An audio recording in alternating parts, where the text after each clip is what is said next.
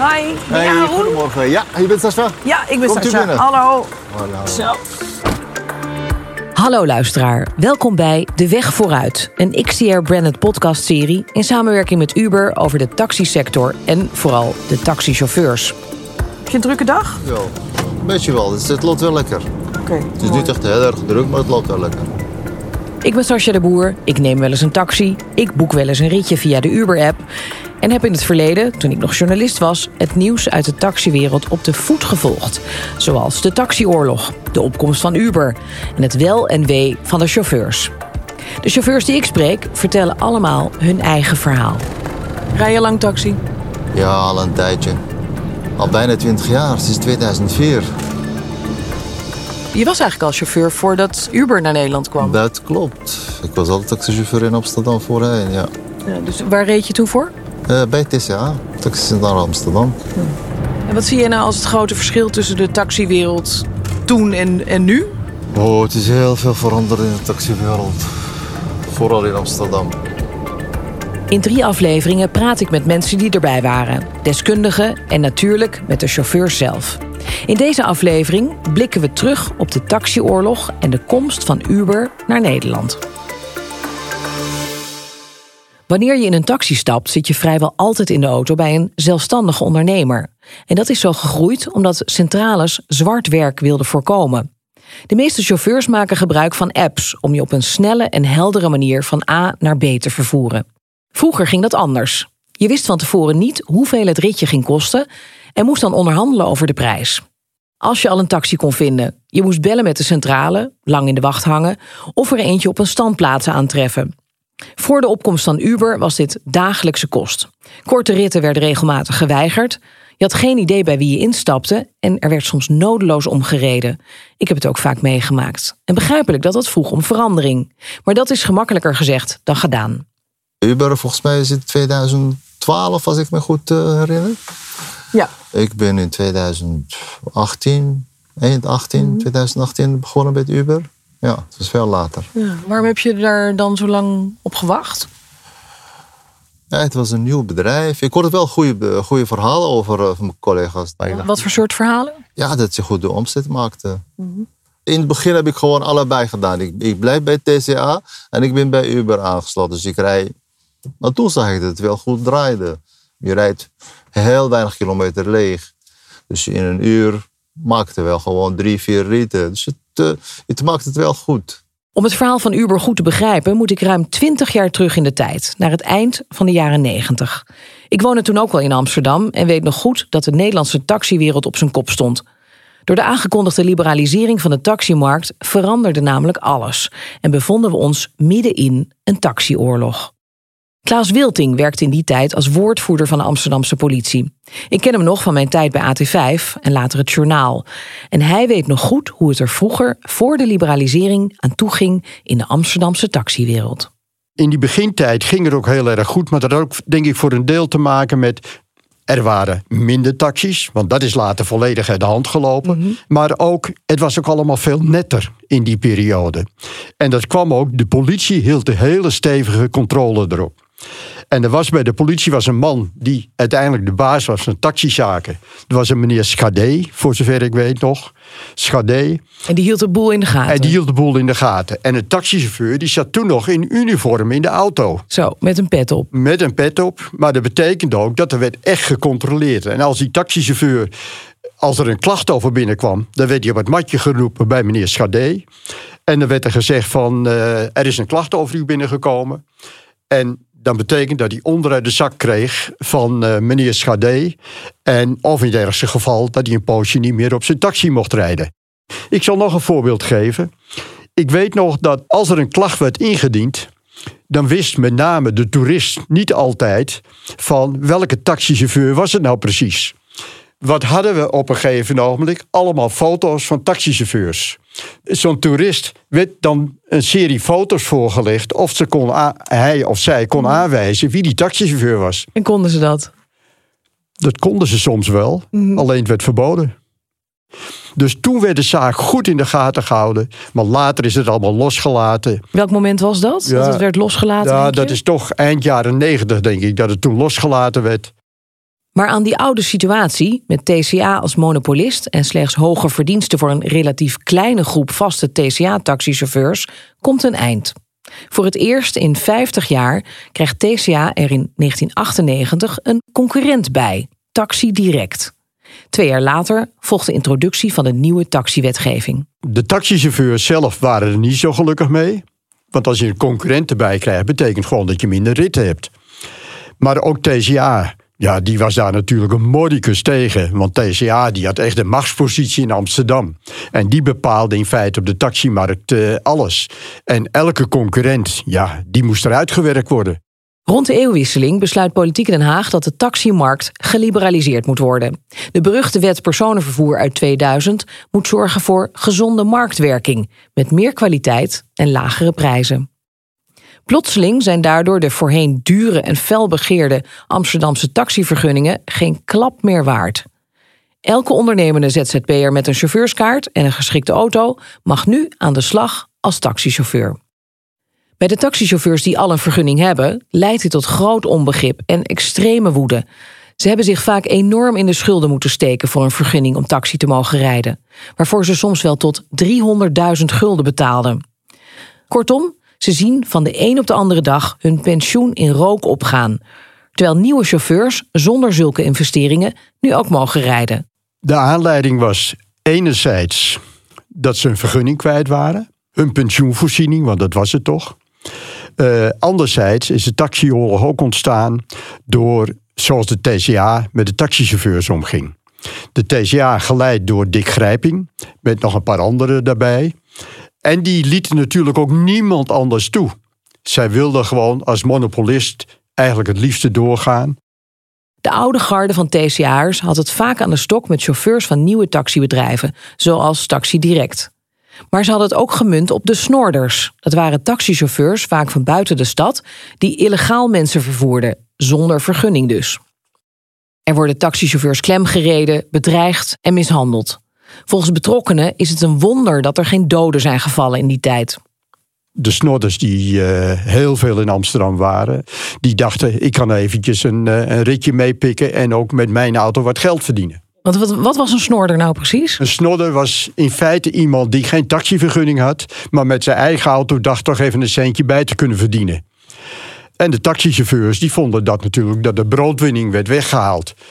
En zo werden de snorders wel eens s'nachts, en vooral in de late avonden, dan werden ze ingekapseld door taxichauffeurs. En dan uh, ontstonden de knokpartijen. En dat ging soms behoorlijk geweldig aan toe. Door de liberalisering van de taximarkt lopen de gemoederen hoog op. Hoe de boel uit de hand kon lopen tijdens de ontstaande taxioorlog weet ook chauffeur Haroun El Boumi. Aan het begin van deze podcast stapte ik bij hem in de auto. Haroun rijdt sinds zo'n 20 jaar met een taxi in Amsterdam en heeft veel meegemaakt. Sommige collega's die waren, die hadden net uh, vergunning net een nummer, zo heet het vroeger, zijn nummer van de taxi.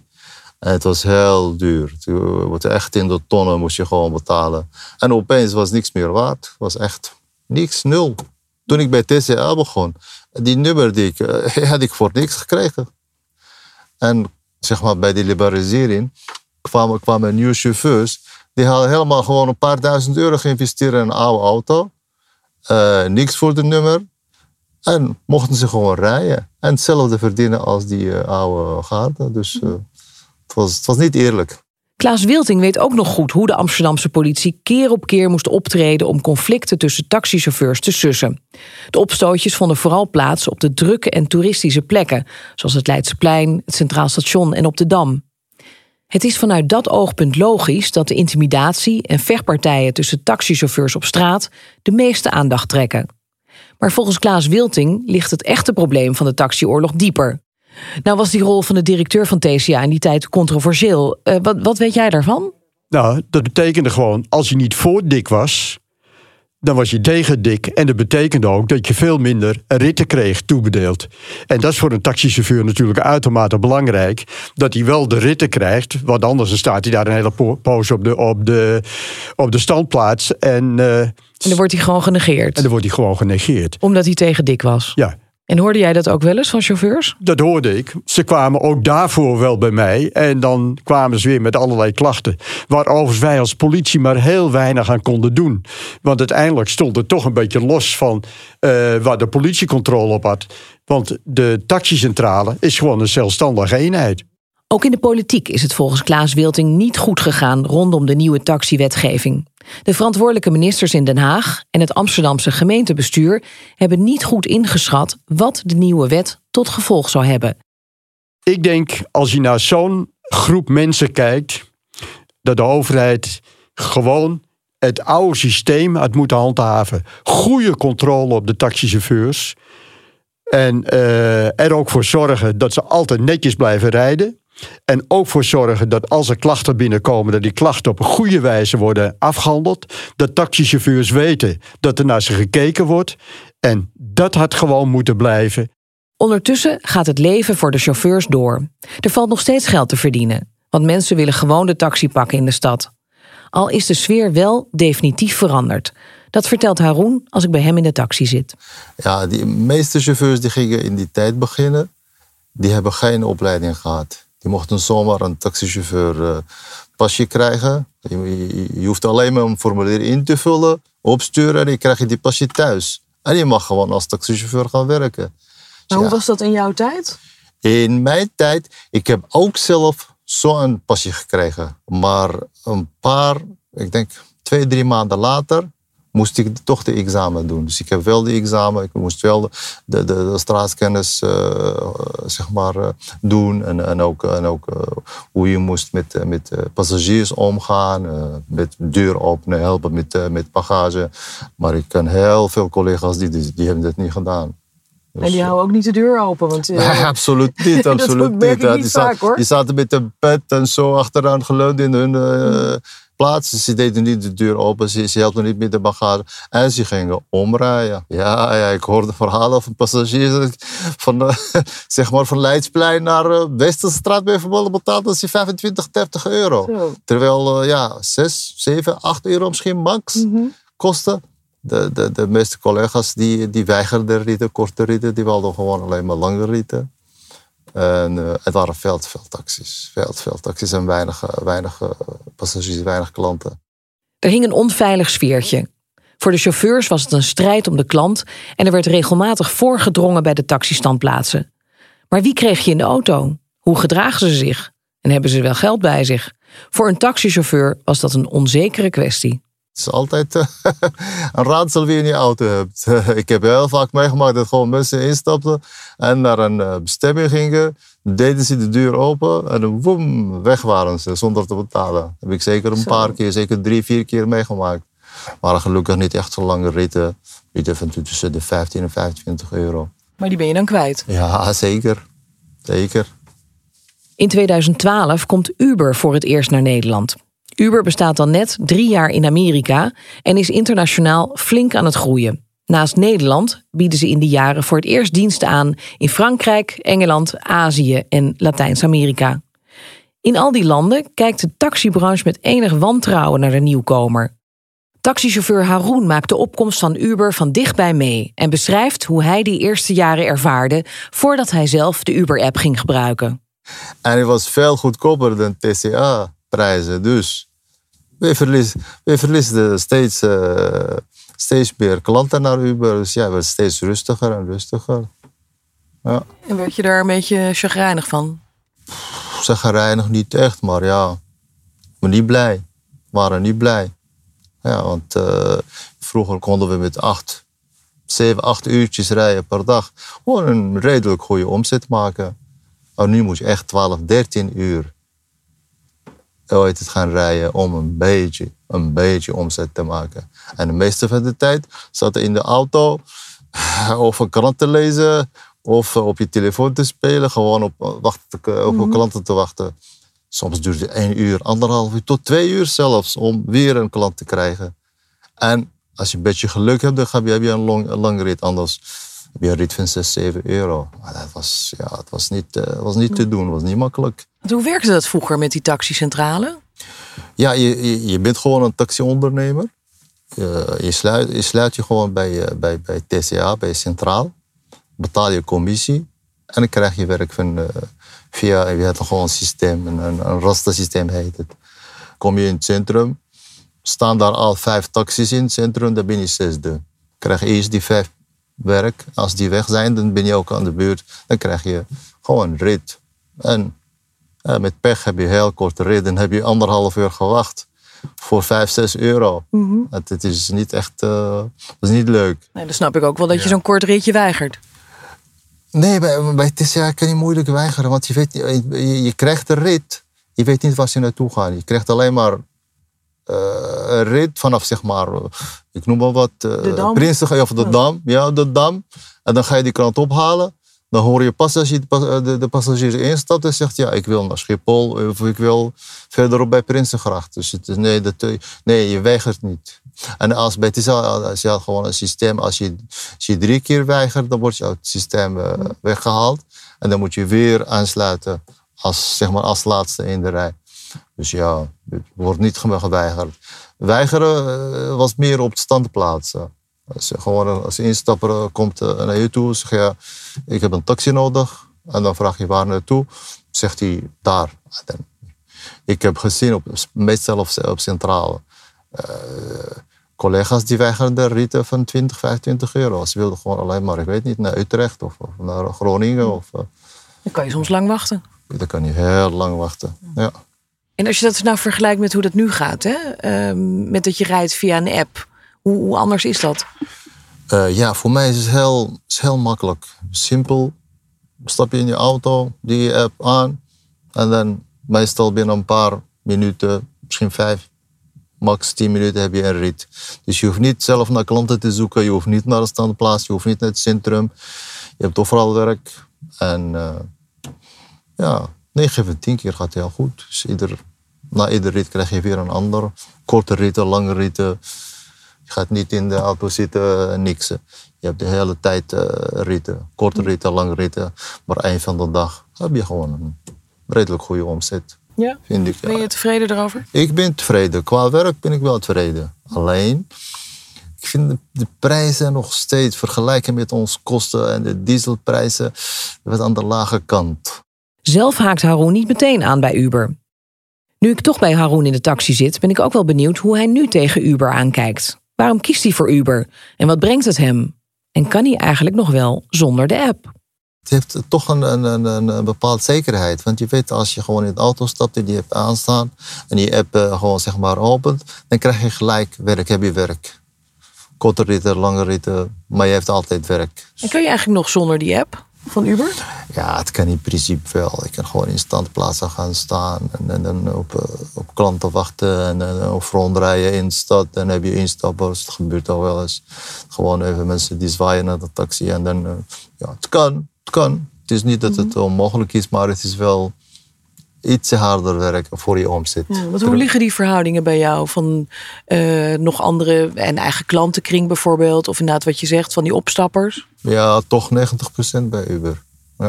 Ik heb wel eigen klanten opgebouwd.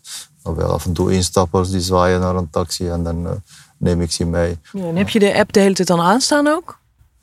Ja, als ik aan het werk ben wel, ja. Ja. En hoe beoordeel je eigenlijk als je die app aan hebt staan... of je een rit aantrekkelijk vindt om aan te nemen? Ik rij meestal in Amsterdam. En in Amsterdam, om in het centrum te komen, is moeilijk. Dat, de, die ritten, 9 van de 10 keer weiger ik. Want te veel het gedoe. is te veel gedoe, je moet omrijden. Er is geen, geen plek om je even stil te staan om je klanten te, te laten instappen of uitstappen. Dus dat, uh, ja, ja, dat wil ik liever niet. Gewoon, ik wil liever gewoon buiten de, het centrum werken. Ja, begrijp je die protesten die er ook zijn? Uh, ja, ik begrijp die protesten. Maar waar ze naartoe gaan, dat begrijp ik niet echt. Want de meeste van de collega's die ik ken, die ik spreek, uh, willen niet gewoon in dienst zijn. Ik, ik kan gewoon vanaf morgen in dienst werken als ik in dienst wil werken. Er zijn genoeg bedrijven die mensen in dienst nemen. Ik wil ondernemer blijven. Daarom heb ik voor dit uh, beroep uh, gekozen. Om zelfstandig het werk te doen. Ik werk zo. Als ik een rit krijg, ik stop even bij de klant. Ik stap uit, ik doe de deur open. Uh, help me met, met, met uh, bagages. Doe de deur weer dicht. De meeste klanten zeggen: nee, nee, hoef niet doen dat. Ik zeg: nee, ik doe het wel voor mijn uh, oefening. Ik wil niet de hele tijd zitten. Ik wil gewoon een beetje bewegen, anders word je te dik. Oh, dus niet uit hoffelijkheid? Nee, wel, wel. Ik doe het altijd. Ik, maar ik heb het altijd zo geleerd. Sinds ik, zoals ik zeg, ik, ik, ik zeg altijd: ik ben een, uh, een professioneel taxichauffeur. Ik doe het niet voor voor, uh, zeg maar, ik ken collega's die een paar uurtjes per week werken. Die doen het gewoon om een beetje bij te verdienen. Bij mij is het niet. Bij mij is het gewoon, daar verdien ik mijn brood mee. Ik ben een taxichauffeur en ik ben gewoon gedragen als taxichauffeur. Gewoon helpen, vriendelijk zijn. Je kunt dit ook zien op mijn, hoe heet het. Ik heb altijd ho ho hoge scoren. Ja, wat is je score? De hoogste. Vijf punten? Vijf punten, ja. Wauw. Zo werk ik. Nou, het was een fijne rit. Dankjewel, Haroon. Ja, niks te danken. Fijne dag. Eens gelijk. Dag. Doei.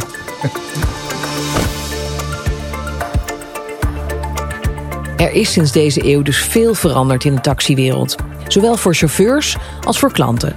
Voordat je in een taxi via de Uber-app stapt, weet je wie je chauffeur is. En andersom. Er is een duidelijk begin- en vertrekpunt en je weet van tevoren wat je gaat betalen. Dat geeft beide partijen rust. Een situatie die niet is te vergelijken met die van een jaar of twintig geleden rondom de taxioorlog. Maar het laatste woord is zeker nog niet gezegd in de discussie over hoe taxichauffeurs in de toekomst hun geld kunnen verdienen als ondernemer. Daarom kijk ik in de volgende aflevering van De Weg vooruit verder naar de chauffeur als ondernemer. Welke keuzes maken ze en hoe beïnvloedt dat hun werk en hun werkomstandigheden? En waarom moet ik soms best lang wachten op een ritje? Dankjewel voor het luisteren naar De Weg Vooruit, een XTR Branded Content podcast in samenwerking met Uber. Ga naar nrc.nl slash brandedcontent slash Uber om alle afleveringen te luisteren. Je vindt deze ook in de NRC Audio app en alle andere podcast apps.